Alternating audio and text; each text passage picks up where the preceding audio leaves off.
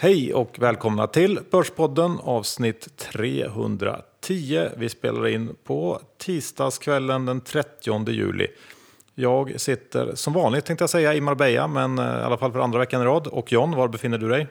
Ja, just nu befinner jag mig i Normandie. Liverå heter orten. Lite sömnig fransk ort som de brukar skriva i resemagasin. Ja, är det trevligt?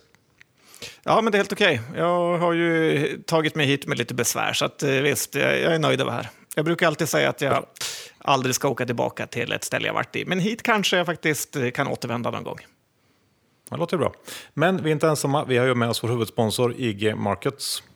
Ja, och eh, jag tycker man ska göra sig redo nu inför hösten och eh, ladda ner den här appen. Testa IG om det kan vara något inför din hösttrading. Den är ju fantastisk och IG är ju mer än en mäklare har jag sagt förut. Vi kommer ha event med IG till höst och det kommer även vara ett antal andra event eh, som eh, man kommer kunna gå på om man är IG-kund. Så jag tycker verkligen, bli kund hos IG så har du möjlighet att eh, göra andra saker än bara sitta framför skärmen. Inget att tveka på. Och idag John, vad kommer vi att gå igenom? Ja, men det kommer ju bli lite lynchningar. Det eh, kommer kolla om Buffett är slut och även gå igenom de här senaste buden som har varit. Och eh, ja, Johan, vad har du att komma med? hoppas det är något bra. Ja, vi får ju kanske gå igenom lite av mina, mina bets som jag hade förra veckan som kanske inte riktigt föll så väl ut som jag hade hoppats på. Nej, det var ju lite eh, gråt där på andra sidan, eh, eller på rätt sida av Medelhavet. Men det kanske förtjänar eftersom du var så kaxig innan. Ja, antar det. Eh, men innan vi kör igång så är vi också sponsrade av kalsongmärket CDLP. Och det är mitt i sommaren, många har semester och då kanske man funderar lite på hur man kan bli en bättre person efter semestern och ha mer ordning och reda. Och då är ju den här det här niopacket med CDLP-kalsonger en bra start.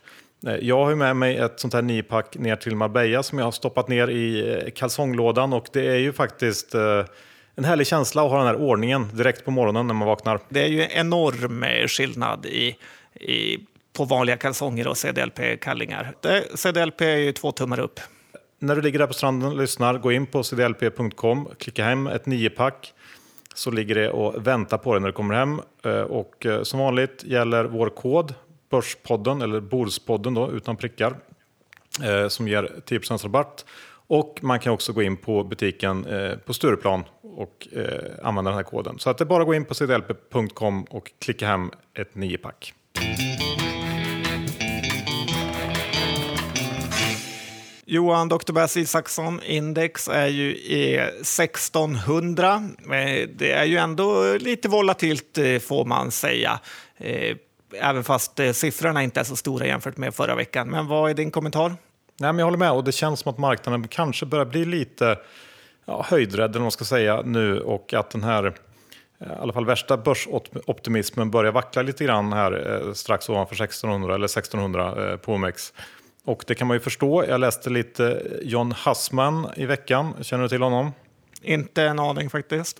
Nej, det är ju en, en amerikansk, förvalt amerikansk förvaltare.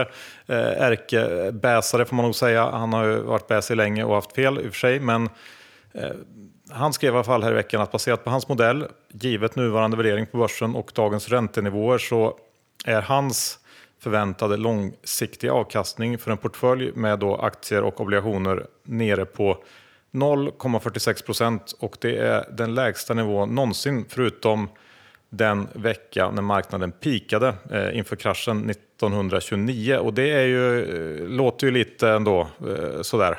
Ja, verkligen. Men det känns som att det finns typ eh, några hundra sådana där gubbar som har olika modeller som visar olika saker. Varje vecka är det någon ny som har något att säga. Ja, det ligger väl kanske någonting i det, men, men eh, jag tycker ändå att man kanske kan ta till sig lite grann ändå av, eh, av vart vi ändå befinner oss på något sätt. Eh, givet i alla fall liksom klassiska värderingsmått och modeller. Ja, nej, men visst, man kan ju vara för, lite mer försiktig än vanligt. Och, det är ju ett enormt eh, säsongsmönster med sämre avkastning nu till fram, kanske början av december. Så att, eh, visst, man ska köpa när det är billigt och nu är det inte jättebilligt. Så är det. Du, eh, du har kommit fram till att Sweden rules, eller? Ja, men faktiskt. Jag har fått en sån känsla. Det är inte ofta kan jag säga. Men såklart fick vi ju dagen efter vi hade spelat in podden Eh, inbrott i bilen i Charleroi, i toppstaden i Belgien. här. Eh, jag hade ju nattparkerat utanför H&M och eh, vid deras största köp, köpcentrum där mitt i stan. Så att Securitas, det känns som att H&M och Securitas jobbar ju extremt tätt ihop. Hade fångat allt på en perfekt film Eh, så att gubben hann inte sno något. Eh, sen kom vi till polisstationen i staden och självklart i Belgien kan ju ingen ett ord engelska. Förutom en snubbe eh, som var polis där och hette Nilsson och hade en farfar från Sverige som var helt flytande på engelska. Så det gick enkelt. Och så ringde jag försäkringsbolaget och de svarade på en minut och sa direkt att laga bilen vart du vill så eh, betalar vi. Så att jag fick en liten sån här kort eh, känsla av svensk framgång faktiskt. Att vi är bra på lösa grejer. Allt fungerar helt enkelt? Ja, men lite så, för det gör det inte i de här länderna. Nej, nej. Ja, men det är ändå skönt. Eh, jag tänkte ta upp eh, en grej som jag kanske i och för sig färgat lite av eh, Eh, den senaste veckans performance för min del. Men eh, ibland får man en känsla av att det här med att hålla på med aktier eh, är ungefär som en hobby, som, kanske som trav eller något sånt. Man vinner lite grann då och då, några små vinster här och där och sen så kommer det liksom en stor torsk och, och wipar ut allting. Eh, har du, känner du igen det där? Ja, men känns lite som tvärtom på trav. Man gör många små förluster och sen ska man vinna någon gång, är ju tanken. Ja. Inte att... men Nej, visst, jag håller med. Jag det var kanske inte en helt perfekt, det var inte, kanske inte en helt perfekt liknelse, men det var det bästa jag kom på. Eh, och eh, och det, det är, jag, jag, tog upp tre bolag som jag var lång förra veckan och alla kollapsade ju totalt. Det var ju Kindred och Kambi som kollapsade på sina rapporter och sen Swedish Match som ja, jag vet inte vad som hände, det var någon sänkt rek från City, Citigroup tror jag. Och alla var ner mellan 10 och 30 procent. Och just att välja ut tre aktier som man faktiskt tror på som sen kollapsar så totalt, det är ju ändå eh, lite av en bedrift får man ju säga. Det är ja, antagligen lättare när... att vinna på Lotto eller något sånt. Ja, men framförallt när man har typ dedikerat sitt liv till börsen och det blir precis tvärtom så förstår jag att det tar hårt. Ja, men det finns ju andra som också har det tufft, eh, som, som från början är betydligt mer framgångsrika än vad jag är. Vet du vem jag tänker på? Finns det sådana tänkte jag säga?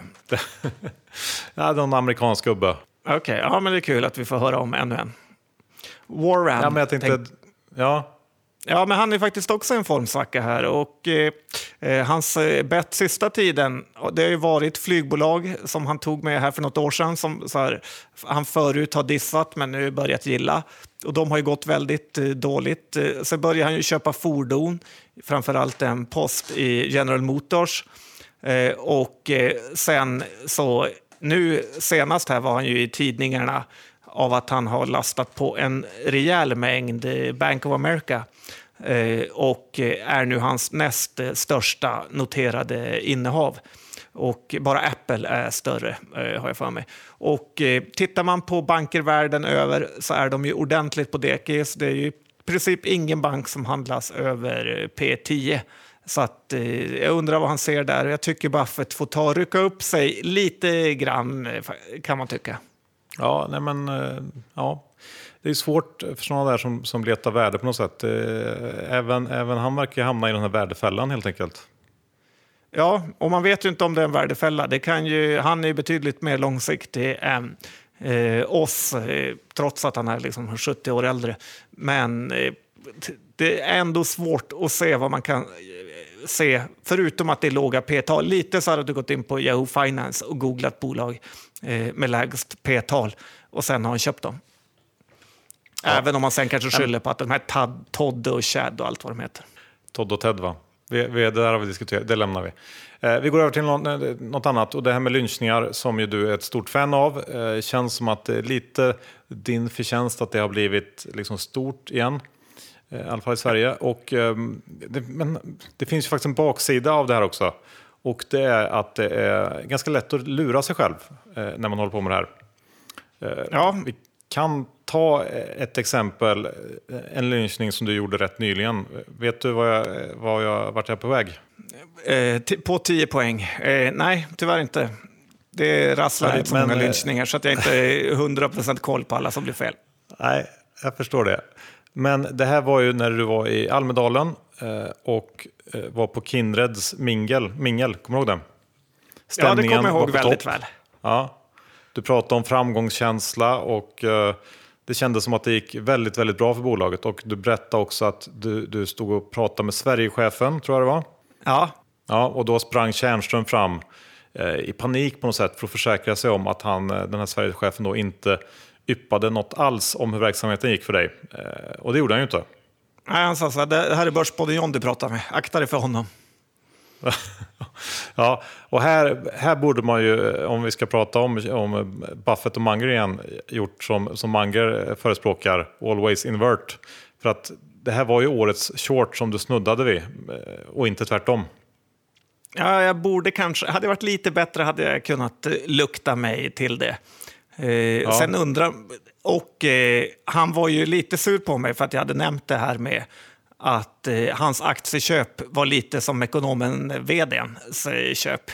Och eh, då, det såg ju bra ut ett tag, men nu är det ju tyvärr som att hans aktieköp ser ju katastrofala ut. Och det är ju många, vad vi har fått eh, kontaktat oss i alla fall, som är ju rätt irriterade på hur vdn har guidat för Kindreds eh, utveckling här.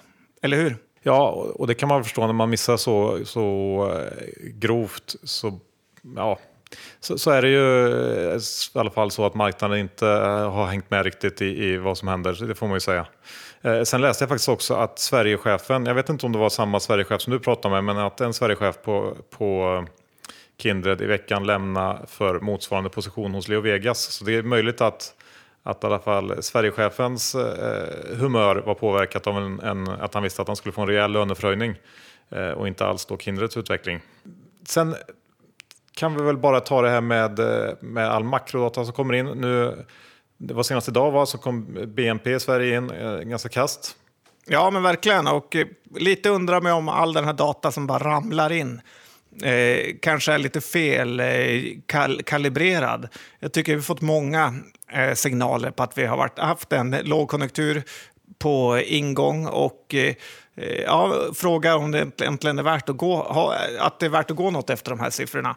Eh, ju mer digitala vi blir och eh, kanske ännu mer de här största digitala eh, bolagen är med Spotify, Amazon, Google, eh, Facebook så eh, undrar man om de här siffrorna spelat ut eh, sin roll. Eh, ju mer folk lägger sina pengar på Spotify, Netflix och sånt, och digitala eh, tjänster, så kanske de här industriorder i Tyskland kanske inte ska få börsen att tappa 2 eh, Vad säger du? Ja, det är möjligt, fast i Sverige så har vi ju ändå ganska mycket verkstad. Eh, och liksom gammel business som på något sätt ändå påverkas mer av de här, de här eh, stora makrosvepningarna eh, än vad kanske Spotify gör. Så att, eh, eh möjligt att det är mer relevant i, i, på vissa börser i USA, jag vet inte. Eller alltså och, och skippa och bry sig om de här siffrorna.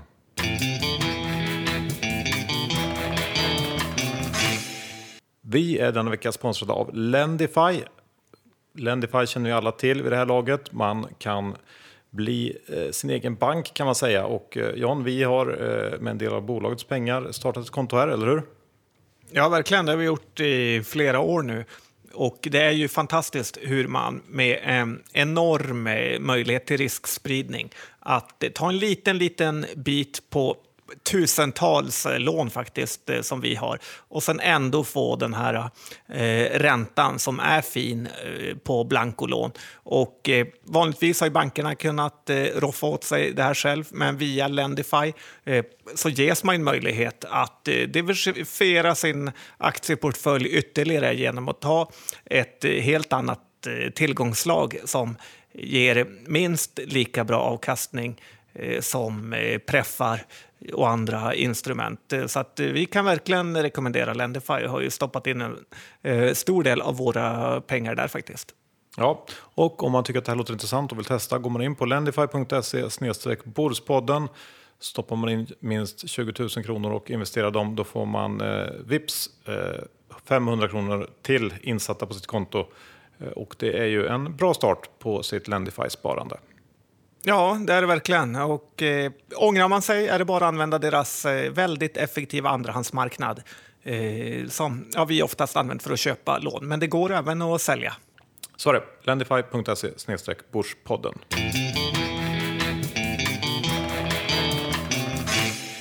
Okej John, då snackar vi lite rapporter för det fortsätter ju komma in eh, lite grann även om det är betydligt lugnare nu jämfört med tidigare veckor. Eh, men jag tänkte ta upp eh, ABB som är en eftersläntrare inom verkstad. Tittar du någonting på den? Nej, faktiskt inte, men jag läste att eh, Sandviks vd ska ta över och eh, det är ju väldigt eh, poppis med tanke på vilka sopor de haft där tidigare. Ja, det ryktas ju om det i alla fall. Det är väl inte helt bekräftat än va? Eh, hur som helst var rapporten i sig ganska halvljummen. Eh, siffror som var mer eller mindre in line över hela linjen. Eh, men med lite små bäsiga kommentarer kring, kring outlooken och framtiden helt enkelt. Och man kan ju eh, ha synpunkter på att det gått så fruktansvärt trögt för ABB eh, och fortsatt, ja, fortfarande gör det, att höja den här lönsamheten som ju, som ju är i fokus. Och eh, bolaget pratar ju hela tiden om hur sencykliska de är. Och det känns ju som att vi har varit sent i cykeln i ganska många år nu, men ändå lossnar det inte. Jag fattar inte riktigt det där med ABB. Det borde ju vara liksom någon slags sweet spot för, för ABB just nu, kan man, kan man tycka. Ja, men det är en klassisk grej att säga att man är sen cykliskt. Det är lite som ett barn som inte gjort läxan i skolan men säger att den kommer få jättebra på slutprovet men får det ändå inte. Så det är en av de största lögnerna av eh, alla. Ja, jag kan hålla med dig där. Och eh, därför så fattar jag också att, att de här eh, Björn Rosengren-spekulationerna Eh, eh, som ny, ny vd, att det sätter lite fart på aktien. Den var upp någon procent idag på en, en eh, fallande börs. Och han, man måste ju säga att han har gjort ett väldigt bra jobb med Sandvik och att det är precis den typen av eh, doer-kille man behöver få in i ABB. Någon som inte är rädd för att, för att kötta på lite och inte bara vill ha ett så stort bolag som möjligt att ratta utan mer är intresserad av den sista raden. Så att, eh, det kan ändå hända lite spännande saker här i höst i ABB känns det som. Ja, och eh, det är ju så. Det är lite konstigt att han skulle gå i pension för några dagar sedan från Sandvik men just nu kan tänka sig ge sig på ABB. Däremot ska man ju komma ihåg att alla säger att Lundberg är extremt eh, snål med lön till sina vdar. Och eh, kommer man ihåg vad den här Ulrich Spitzhofer tjäna hundratals miljoner på ABB så tror jag nog ändå det kan kittla lite grann för Björn Rosengren att eh, eh, göra liksom, släkten ekonomiskt eh, oberoende för all framtid i princip genom att eh, ta några år på ABB. Ja, absolut. absolut. Ja, det känns väl ganska rimligt ändå. Så vi får se om det, om det eh, blir så till slut. Och eh, bland övrig verkstad så noterade jag att, att eh, tyska Scheffler de sänkte sin helårsprognos i måndags och det var väl kanske ganska väntat med tanke på hur mycket mycket fordon de har och sådär. Men, men sen så eh, kom även japanska NSK in eh, med en väldigt svag rapport och de är en, en konkurrent till SKF. Eh, de lämnar, förutom en svag rapport, också en väldigt svag outlook. Och den här bilden som jag målade upp i förra veckans avsnitt av SKFs Q2 som ett trisslottskvartal, den stärks för mig i och med det här faktiskt. Och jag är övertygad om att att Alrik, eh, Alrik Danielsson på, på SKF kommer att få äta upp sitt håsande Eh, Eh, i samband med den här Q2 som de lämnar redan nästa kvartal. Och eh, aktien har faktiskt tappat en hel del sista veckan också. Så att, eh, här känner jag mig ändå lite stärkt i min tro. Ja, men jag tror du har något rätt där. Det är, rök kommer sällan ensam, har jag i och för sig aldrig hört någon säga. Men lite så tänker jag att det kommer nog bli lite sämre innan det blir bättre inom fordonsindustrin. Och, det kommer komma köplägen där, absolut. Men förmodligen måste vi se lite tuffare tider. Sen eh, ville du säga några ord om den här, det här läkemedelsdealen, Pfizer som köper eh, Mylan, eller Mylan, eller vad säger man? Mm, exakt, jag är ingen talare, men får jag säga några Mylan. ord? Och, eh, ja, jag tror man, jag skulle nog säga Mylan. Och, eh, det var de som köpte Meda här, om ni kommer ihåg det. Som, eh, och nu ska ju de två bolagen, eller Pfizer ska knoppa av sin fulläkemedelsbransch, eh, branch, till Mylan och de ska bilda ett jättebolag eh, ihop eh, som säljer då läkemedel där patenten gått ut, eller alltså piratläkemedel, eh, eller sånt man inte behöver recept för. Och det här ska då bilda ett megabolag. Och vi kommer ihåg att Abbey tidigare köpte botox-tillverkaren Allergan. Eh, jag tycker allt det här påminner lite om när den tidigare läkemedels megahypen Eh, när det var merger typ en gång i månaden eh, för 20 år sedan. Det var ju då Astra gick ihop med Zeneca. Eh, Pharmacia köpte Appion och sen köpte hela Pfizer Pharmacia Appion. Eh, och eh, för tio år sedan hade vi det här eh, eh, när Astra köpte Medimune som är väl ett av den svenska historiens absolut eh, sämsta köp. Jag vet inte om de har tjänat en krona. Eh, det bolaget det kostar ju närmare 100 miljarder. Eh, det som är lite kul är att Leif Johansson som är ordförande här i Astra har ju spelat rätt kall eh, hittills och tackat nej till eh, bud, i alla fall ryktesvägen här vad man hört, från just eh, Pfizer. Så att det ska bli spännande att se om det kommer något nytt bud där. Eh, för det får man ju hoppas mer än att de gör något eh, vansinnesköp själva faktiskt. Ja, verkligen. Det känns väl som att eh, det enda man vill i, den här branschen är att bli uppköpt. Och, och vara den uppköpande parten känns ju som verkligen att vara på, på loser-sidan på något sätt. Och speciellt känner jag ju att MyLan, i alla fall det lilla man vet om Meda, och, ja, jag är ju tveksam till hur mycket värde det finns i den där soppan, i det där bygget.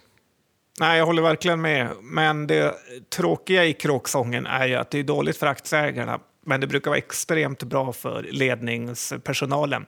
Eh, det är väl bara att titta på den här Pascal Poirot, eh, eller vad han heter, som är vd för Astra, hur fruktansvärt mycket pengar de tjänar. Det är hundratals eh, miljoner. Eh, så att det, det kliar ju lite i fingrarna för dem att eh, bli ännu rikare och med det här göra, bli liksom ännu mäktigare och häftigare inom läkemedelsbranschen. Så att för dem är det nog inga problem. Om, om de fick välja själva så hade de nog gjort mega-mergerna efter varandra. Antagligen. Men vi har ju även lite mindre bud här på hemmaplan. Det är ju Mellby Gård som försöker skopa upp eh, Kappahl. Vad har vi att säga om det? Ja, det är ett bud som kom här eh, om dagen. Ja. Och sen har vi budet på Oriflame som också var eh, för någon månad sedan. Här. Och jag tycker att det snackas väldigt ofta om hur viktigt det är att ha ägare av kött och blod.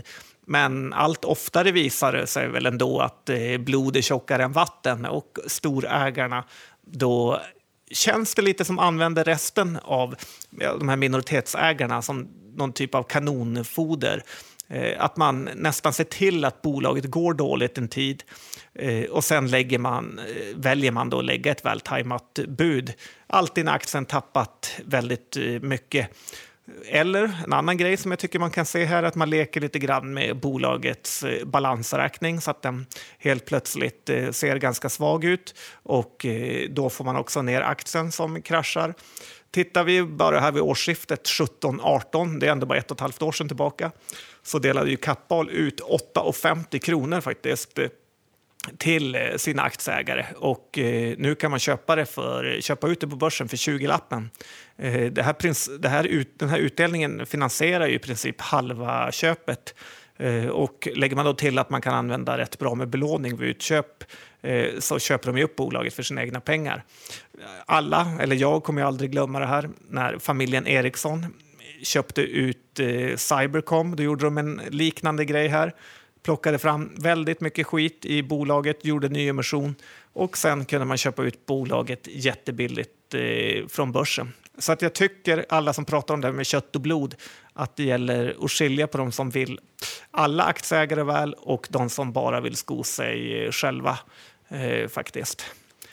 Och eh, sen Johan, kanske en liten pik till dig. Du är kanske inte redo att höra det just nu efter den här veckan.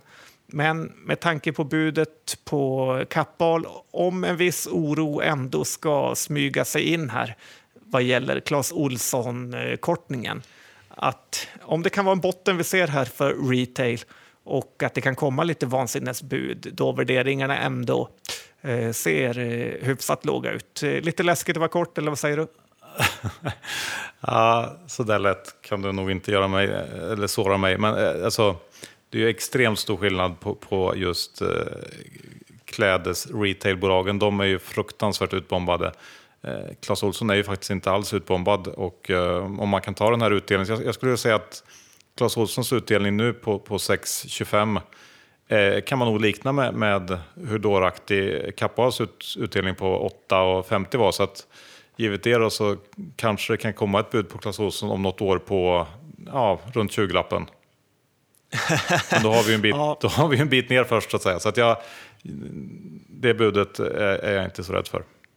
Nej, men jag håller väl med dig där egentligen. Även fast jag tog in en tredjedel av min Clas Ohlson-kortning i eh, bara rädsla. När Kappahl delade ut de här 850 så hade de ju faktiskt eh, tjänat väldigt mycket pengar och Clas Ohlson har inte i närheten tjänat de här pengarna som de ändå delar ut.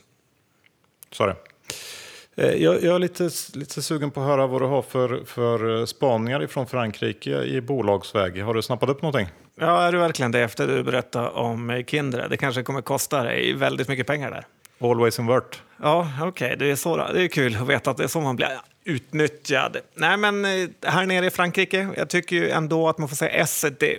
Vilket extremt eh, stark ställning Essity har som bolag. De här torkprodukterna är ju installerade överallt och det gäller ju hela Europa. Det känns som, jag vet inte, men eh, att de har gett, gett bort den här själva hållaren, klassikern, och sen säljer de handtorkpapper eller toapapper för all framtid till ja, men den här näringsidkaren. Och just med att sälja toalettpapper känns det nästan omöjligt att komma med en ny uppfinning som skulle eh, förändra det här. Handtorkpapper finns i de här blåsarna eh, som man hatar och ofta är sönder, men det är ändå en konkurrent. Men till just toapapper känns det som att det finns inga konkurrenter. Ja, det är de här japanska eh, historierna i så fall. Ja, det skulle vara det, men det känns ju inte som att det är närtid. Toto-toaletterna. Ja, ja, men eh, det är inte jättebilligt att installera dem på eh, offentliga toaletter genom hela Europa, kan jag tycka. Nej, jag håller med. Billigare att köpa lite papper. Så är det. Och, ja, mer. Eh, ja, men mer. Ja, det är klart jag har mer. Eh, det dricks ju nästan två liter pastis eh, per person i Frankrike och det är ju rätt mycket. Vet du egentligen vad pastis är? Ja, jag vet att det är ganska äckligt. Det är någon slags anissprit, va? Ja, precis. Det är som det här raki eller oso som eh, vi alla charterresenärer har smugglat med oss lite hemma. Och eh, alltså typ lakrits. Eh, och, ja, eh, och kanske kräks lite på. ja, men lite så. Är. Men jag har ändå eh, anammat den franska traditionen och köpt några sådana flaskor här. Och eh, det känns ju inte direkt som att de har exportpotential, men ändå kul.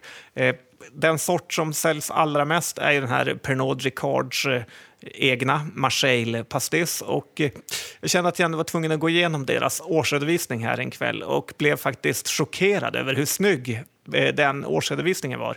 Eh, Pernod Ricard är ju de som äger Absolut Vodka och eh, eh de hade någon typ av 60-talstema i den här årsredovisningen med häftiga bilder där man hade också eh, så här, klätt ut de anställda till 60-talstema. Och företaget här, de vill ju jobba med någon typ av, som något, var ett typ av livsstilsföretag. Och det känns verkligen som de har lyckats, eller tänkt igenom i alla fall. Eh, Pernod Ricard har ju någon sån här affärsidé att de köper upp de största premiummärkena inom sprit, eh, typ vart femte år känns det som. Eh, och eh, ja, växer eh, lite långsamt eh, på så vis. Eh, jag tittade lite i styrelsen här, och, eller om det var ledningsgruppen, jag kommer inte ihåg nu. Men då satt det en svensk, Anna Malmhake, som också... Känner du till henne? Nej. Hon sitter också i styrelsen i Oriflame faktiskt. Så att världen går lite runt. Och eh, det var också kul att Absolut Vodka fortfarande är det märke som Pernod Ricard säljer allra mest. Då. Så att, eh, vill man ha en långsiktig utdelningsaktie så tror jag ändå att eh, det här är ett, ett bra köp. Ja, annars känns ju Frankrike känns ju också som något slags klassiskt eh, sigland. Hur, hur ser det ut där då? Det röks ju faktiskt väldigt mycket cigg här, men något eh, som det också röks mycket av, det är ju e-cigg. Och eh, var och varannan går runt och suger på en sån här liten eh, pipa. Eh, den här marknaden känns ju ändå, även fast det har pratats mycket om det, så känns det som att den är ganska outforskad eh, fortfarande. Vi har ju eh, Nolato som håller på lite med det här i Sverige. Något annat bolag kan jag inte komma på. Men eh, på lite längre sikt så känns det verkligen som att e-ciggen bör ta en rejäl andel från eh, vanliga cigaretter med tanke på alla förbud och onyttigheten och så vidare. Så att eh, man får ju ändå hoppas om man investerar i e-cigg att det inte är en sån här någon typ av minidisk eller Blu-ray som är ett eh, mellansteg eh, fram till rökningens eh, streaming, vad det nu ska vara. Synd kanske. ja, en bra grej där. Det är snus är inte jättestort bland fransmän, men ändå. Det vore kul. Nej. Nej, men vi får se. Det har väl ändå kommit fram lite tveksamheter kring hur, hur liksom nyttigt e-cigg är. Ehm, ja, framtiden får väl utvisa det. Jag tänkte att det var lika bra att, att riva av det här eh, spelbolagsplåstren också innan, eh, innan den här, där avsnittet tar slut. Och Kindred blev ju såklart en ganska brutal missräkning. Ehm, de tankegångar man hade inför rapporten kring att, att man dels då hade en, en, en gynnsam sportsboksmarginal under kvartalet och att det i kombination med kanske lite avtagande press från, från det nyreglerade Sverige borde kunna generera en bra rapport. Det kunde ju inte ha varit mer fel. Sverige går fortsatt väldigt trögt och dessutom så börjar ökade ja, regulativa krav på andra stormarknader som Norge och Holland att sätta avtryck samtidigt som kostnaderna också liksom nästan skenar, eh, eller i alla fall går åt helt fel håll eh, i bolaget. Och eh, de räknar ju inte heller med någon snabb förändring när det gäller kostnadssidan. Eh, det var ganska tydligt under konfkålet. Och eh, det som kommer att krävas för att få upp lönsamheten igen, det är ju att, att Kindred börjar växa på bra igen. Eh, och kortsiktigt så är det eh, tycker jag ganska svårt att se var det ska komma ifrån. Med ett Sverige som uppenbarligen tagit ledningen på, sängen under konfkålet så fick man känslan av att de, de är förvånade över att Sverige utvecklas så svagt som det faktiskt gjort. Och eh, jag kan väl hålla med eh, vd Tjärnström där om att det känns osannolikt att, att spelandet har minskat med 20 procent i Sverige i år.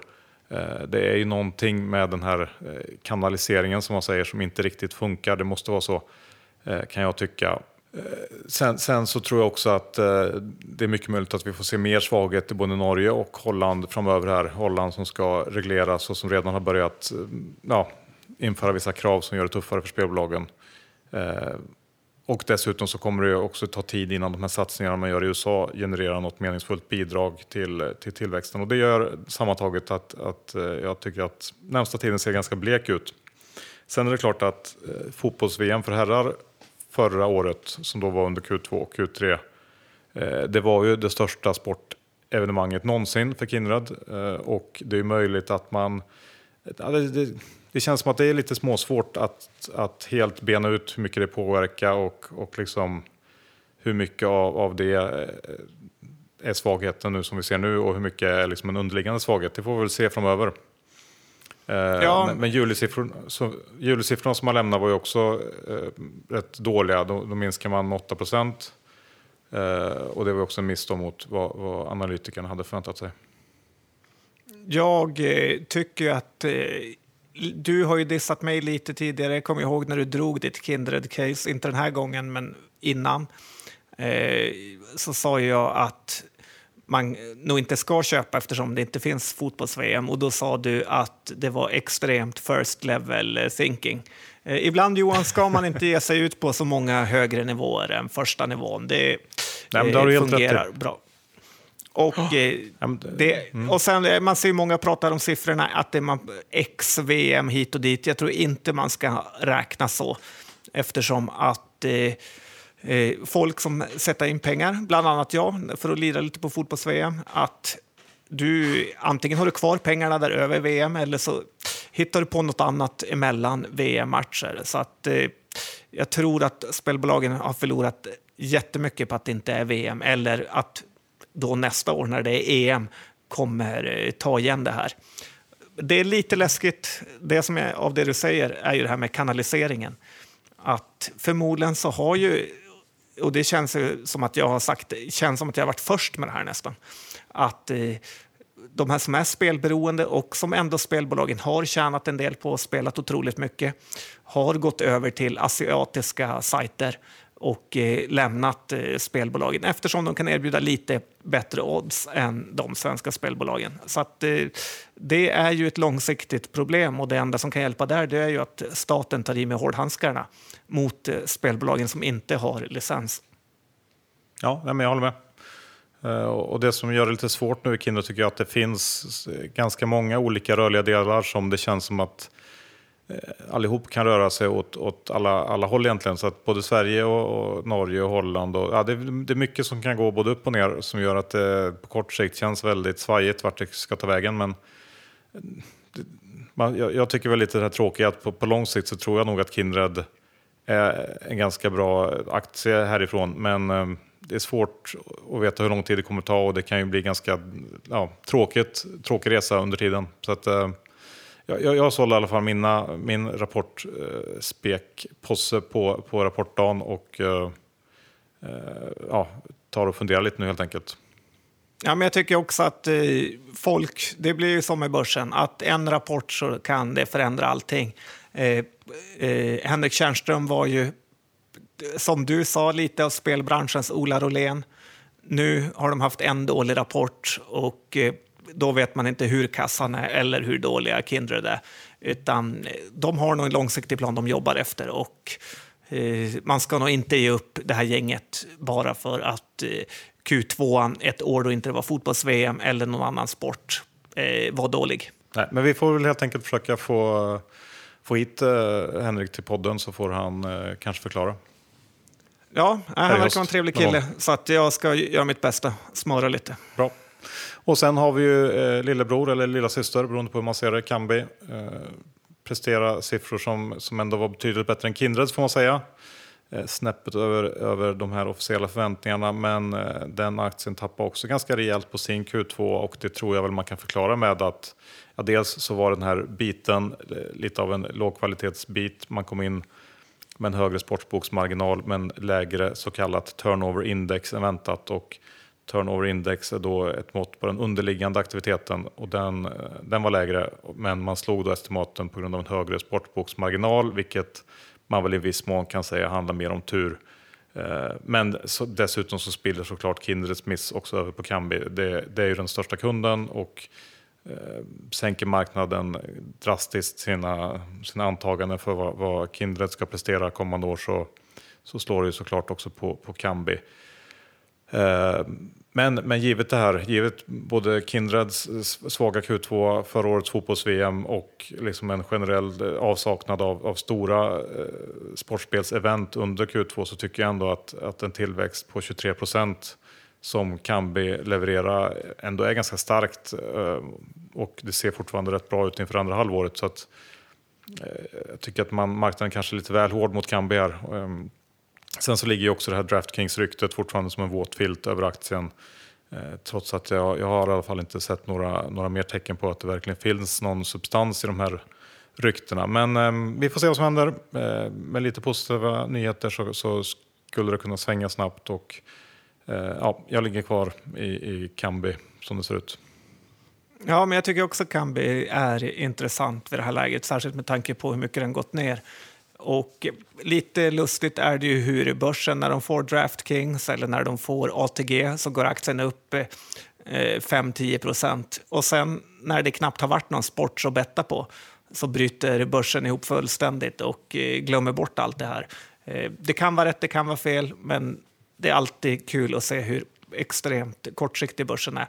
En annan grej som jag tyckte var lite, lite negativt när jag läste årsredovisningen är ju att de här avtalen som de eh, målar upp, som de får i USA på eh, olika kasinon och sånt, eh, det är ju så kallade on-site-licenser, alltså att du i princip får eh, Casino Cosmopol som kund och sen kan du bara betta på eh, när du är på Casino Cosmopol, typ lägga en lapp i luckan och så kan du se matchen där och eh, eh, ja, men lägga ditt sportsbett. Så att det är ju inga eh, en, enorma mängder kunder man når på de här avtalen eh, de har fått. Eh, så att, eh, ja, där kände jag, och, och det har jag väl ändå sagt tidigare, att jag är lite, varit lite tveksam till hur mycket USA egentligen kommer bidra, i alla fall eh, kortsiktigt och närmsta tiden eller åren. Ja, där undrar jag lite hur djup research du har gjort för att eh, jag känner inte riktigt igen det där. Det är klart att det finns vissa, vissa eh, kasinon man har, har, slutit avtal med som kanske i dagsläget bara har ett, ett eh, fysiskt kasino men som eh, sen har ändå en licens för att köra igång online och som kommer att göra det och som kanske också har någon slags Eh, ja, period där, där, andra konkurrenter inte får köra igång. Så jag tror nog att man får gå lite djupare än, än vad du har gjort eh, i de där avtalen faktiskt. Men eh, visst, USA är upphåsat och det är det är där man måste leverera för att det här ska bli, eh, bli bra helt enkelt. Det, det är nog ingen tvekan om. Det kan vi enas om. Ja. Ja, och eh, det positiva med att en aktie går ner är ju att upphaussningen blir ju lite mindre. Det är lättare att överraska Så. när man ligger på rygg. Ja. Eh, ska vi dra lite snabbt om G5 också? De rapporterar idag på tisdagen. En, ja, det är ett spelbolag, långt men under inget, ja, ett spelbolag, inget bettingbolag, dator, mobilspel får man väl säga. Och eh, det har ju varit ett, eh, Eh, en slakt på det här bolaget under de senaste 12 månaderna. Den har ju gått ner 80 procent, det fortsatte ner idag. Eh, och det här har ju verkligen varit en så kallad värdefälla. Eh, resultatet idag var ju på 17 miljoner kronor efter skatt. Det var ju många analytiker som tyckte det var en rejäl besvikelse. Det som sticker ut är ju den här extrema kostnaden för att skaffa kunder. G5 hade intäkter på 300 miljoner och eh, 75 av dem får de lägga på kundanskaffande. Och eh, det blir ju väldigt mycket pengar med tanke på eh, de andra kostnaderna som ett sånt här bolag har med utveckling och så vidare. Men det blir extremt mycket pengar när intäkterna börjar falla. Jag tycker ändå att det här kan vara något för Gravity-ägarna att hålla i tankarna när de går igenom de här grossinglistorna. Och det spelar inte så stor roll vilken nummer man ligger på om man inte vet vad eh, bolaget har betalat i marknadsföring för att komma dit. Eh, vad gäller G5 så ser de rätt, ändå kan man tycka, här billiga ut. Och eh, men det finns ju ingenting som säger att de kommer kunna komma med en sån här eh, ny Hidden City-hit eller att den ens ska fortsätta tjäna pengar. Så att, eh, eh, vad gäller aktier så kanske det här blir mer betting. Det här blir mer spekulation och inte investering. Och det kan ju vara kul i alla fall, men eh, man ska ju vara medveten om det om man köper G5. Eh, personligen är det här en härva jag inte orkar med just nu. Så att, eh, eh och det är egentligen av den anledningen att man inte, jag i alla fall inte vill köpa mer G5 om den skulle gå ner. För att i längden så kan det här sluta riktigt eh, illa om de inte får ordning på torpet här. Det skulle också kunna bli jätte, jättebra, men lite får man känslan att det här kan bli ett eh, P8-bolag i framtiden då man ändå har svikit eh, börsen och att den inte brukar glömma såna här 80-procentiga nedgångar. Det är svårt att få någon hexagon multipel när man eh, har gjort folk så här besvikna. Nej, men jag håller med och det är väl lite det du är inne på nu på slutet, så tycker jag är lite kärnan i, i många spelbolag att Eh, den här värderingsdiskussionen, hur högt ska man värdera de här intäkterna? Jag är ju till skolan så tycker att man ska värdera det väldigt, väldigt eh, lågt helt enkelt. Just av de här anledningarna. Eh, svårt att se varför man ska betala jättehöga multiplar för det här. Där, där liksom sikten framåt är så, eh, så dålig och det kan svänga så oerhört snabbt. Så att, mm, vi får se. Men eh, jag tycker det blir bara bevisen för, för att man ska värdera lågt bara hopas. Eh, men vi lämnar det och går över till veckans sista bolag och det är Mekonomen. Ja, men det kan man ju aldrig prata för lite om faktiskt. Och eh, Mekonomen var ju på väg åt, uppåt, eh, konstigt nog, eh, för några veckor sedan och nådde då eh, 80 kronors nivån. Eh, och då tänkte i alla fall jag att det kanske har vänt ändå. Eh, då helt plötsligt började aktien backa. En dag med 4 procent eh, på ingen nyhet alls. Nästa dag gick den ner lika mycket på ingen nyhet heller. Och nu är den ju under 70 ja, kring 71 här och tappat över 10 procent eh, eh, sedan den här eh, toppen. Och eh, vet du anledningen Johan? Nej. Det har jag faktiskt grävt lite. Ja, precis. Nej, men anledningen här, vad det verkar vara, vad jag har sett, är att eh, analytikern har dragit ner prognoserna med bland annat hänvisningen till bristen på bilmekaniker. Och eh, alltså här kan jag känna att insiderinformationen här är ju helt oändlig. Det är ju helt självklart att eh, eh bolaget har, all, självklart enligt mig, att bolaget har ringt runt och berättat det här för analytikerna. För att ingen aktieanalytiker har en minsta aning om hur det ser ut på bilmekanikerfronten. Det är något eh, eh, man kan lova. Utan det här har ju varit något så här, du vet, inofficiellt eh, call med analytikerna och de har sänkt eh, eh sina prognoser. Och eh, kommer det i eh, rapporten här, kommer det någon mening om hur, att det har varit brist på bilmekaniker, då vet vi alla att eh, det är en orättvis värld faktiskt. Dessutom ska jag säga att jag stod utanför Mekonomen här vid Södra Ängby i Bromma och då satt det tre bilmekaniker och eh, gjorde ingenting under hela tiden jag var där, mitt på dagen. Så att, eh, Eh, Eh, jag tror nog inte att det är brist på eh, bilmekaniker. Jag tror det är brist på bilar att laga.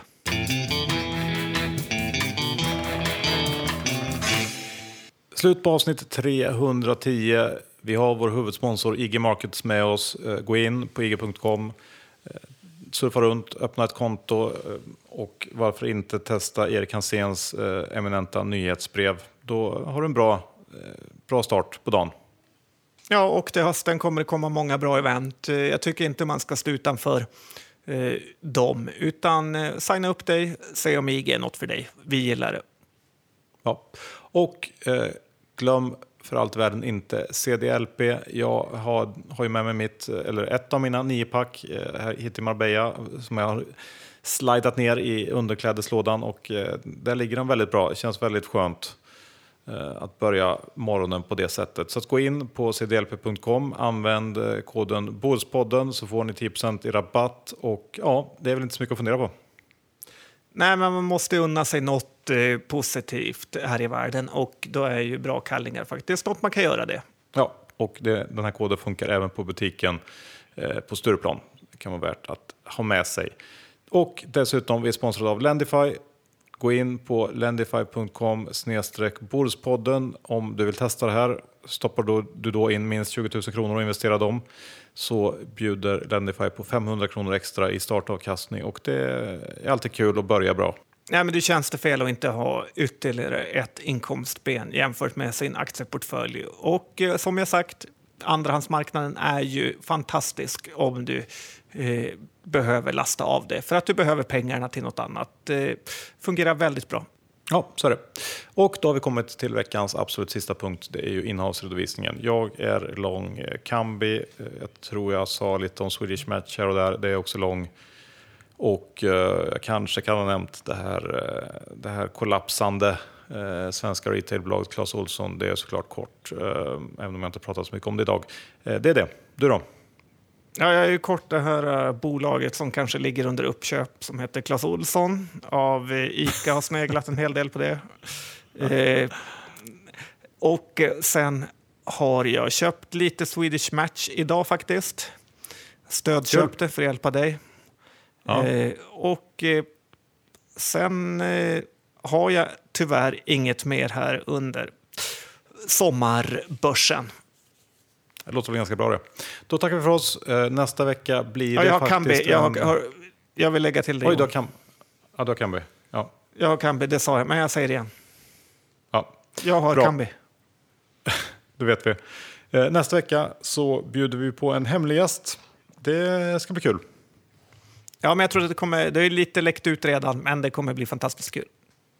Ja, så tills dess, ha det så fint. Hej då!